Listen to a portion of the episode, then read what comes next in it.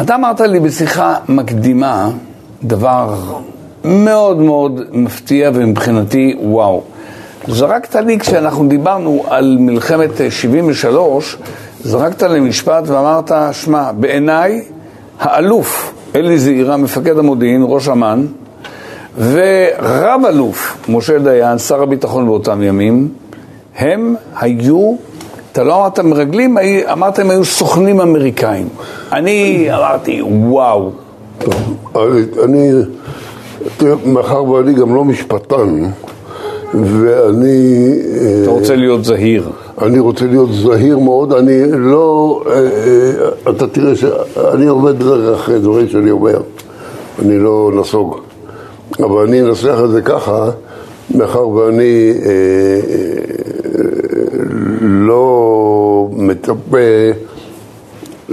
להגנה מבית משפט ישראלי אם, אם אני, אם תוגש נגדי איזושהי תביעה, אני לא מהצד של אלה שבעלי המדינה, כך ש... ובכן. סליחה? ובכן. ובכן. אני ראיתי, אני קצין מודיעין ותיק מאוד. חלק מההתראות, בעיקר התראות יומינט, שהגיעו למדינת ישראל ערב יום הכיפורים, קצין מודיעין לא מצטיין אפילו, לא יכל שלא לראות שזו התראה ברורה למלחמה. אגב, גם חלק מהמידע הזה, היומינטי, אני לא מדבר על מידע אה, אה, סיגינט ואחרים. יומינטי זה מידע שמגיע... מקורות חיים, מסוכנים. חיים, שמגיע ישיר, נכון? מסוכנים. כן. חלקם אני הפעלתי, חלקם אני גייסתי, אבל היו גם כמובן אחרים, אה, לא פחות, אפילו יותר טובים מאלה שאני גייסתי, שהביאו מידע שאי אפשר לטעות בו.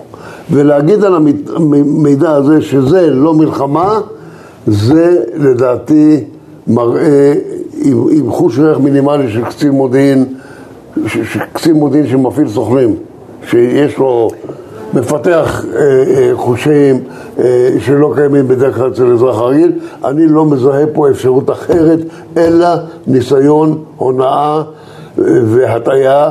והיחידים שבאים לי בחשבון בתחום הזה זה האמריקאים, ואני אומר, האמריקאים הייתה, לקיסינג'ר הייתה לו קונספציה, היהודים לא ישבו לפני, עם הערבים למשא ומתן לפני שיחטפו על הראש, ושכבר הייתה מלחמה, אמר קיסינג'ר, let them bleed, מכירים את המילה כן. הזאת? תנו להם לדמם, לדמם, ליהודים. נכון.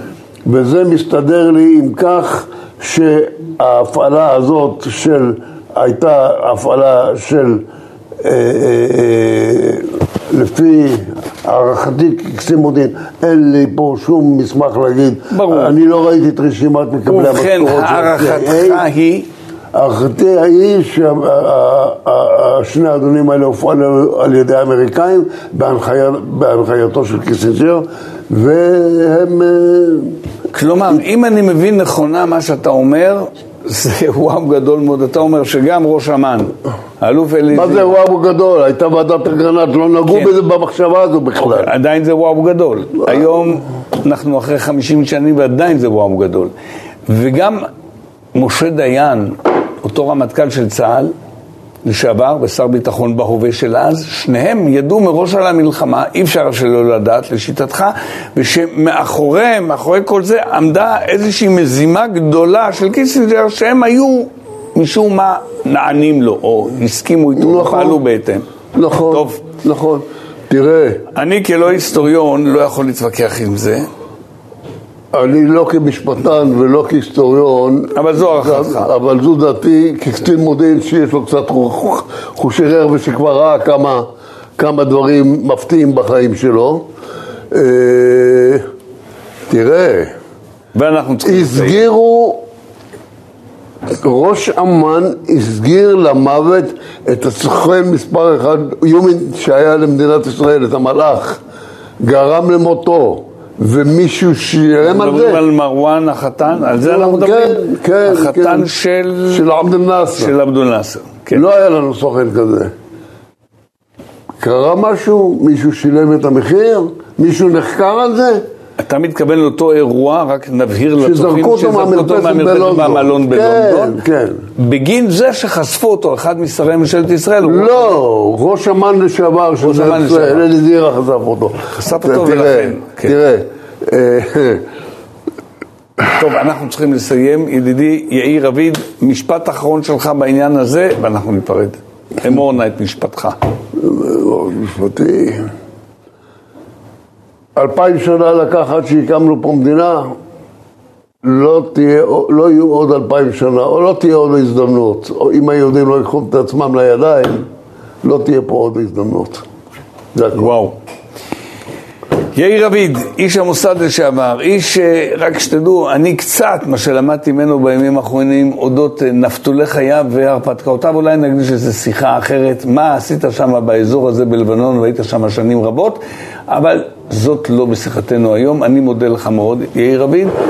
אני מודה לכם שהייתם איתנו ואתם מוזמנים לצפות בנו באמצעות ולהצטרף אל הקבוצה השקטה, וואטסאפ השקטה וים של חומרים מצוינים ייפתח בפניכם, הישר אליכם ולפני כולם וזו עסקה נפלאה.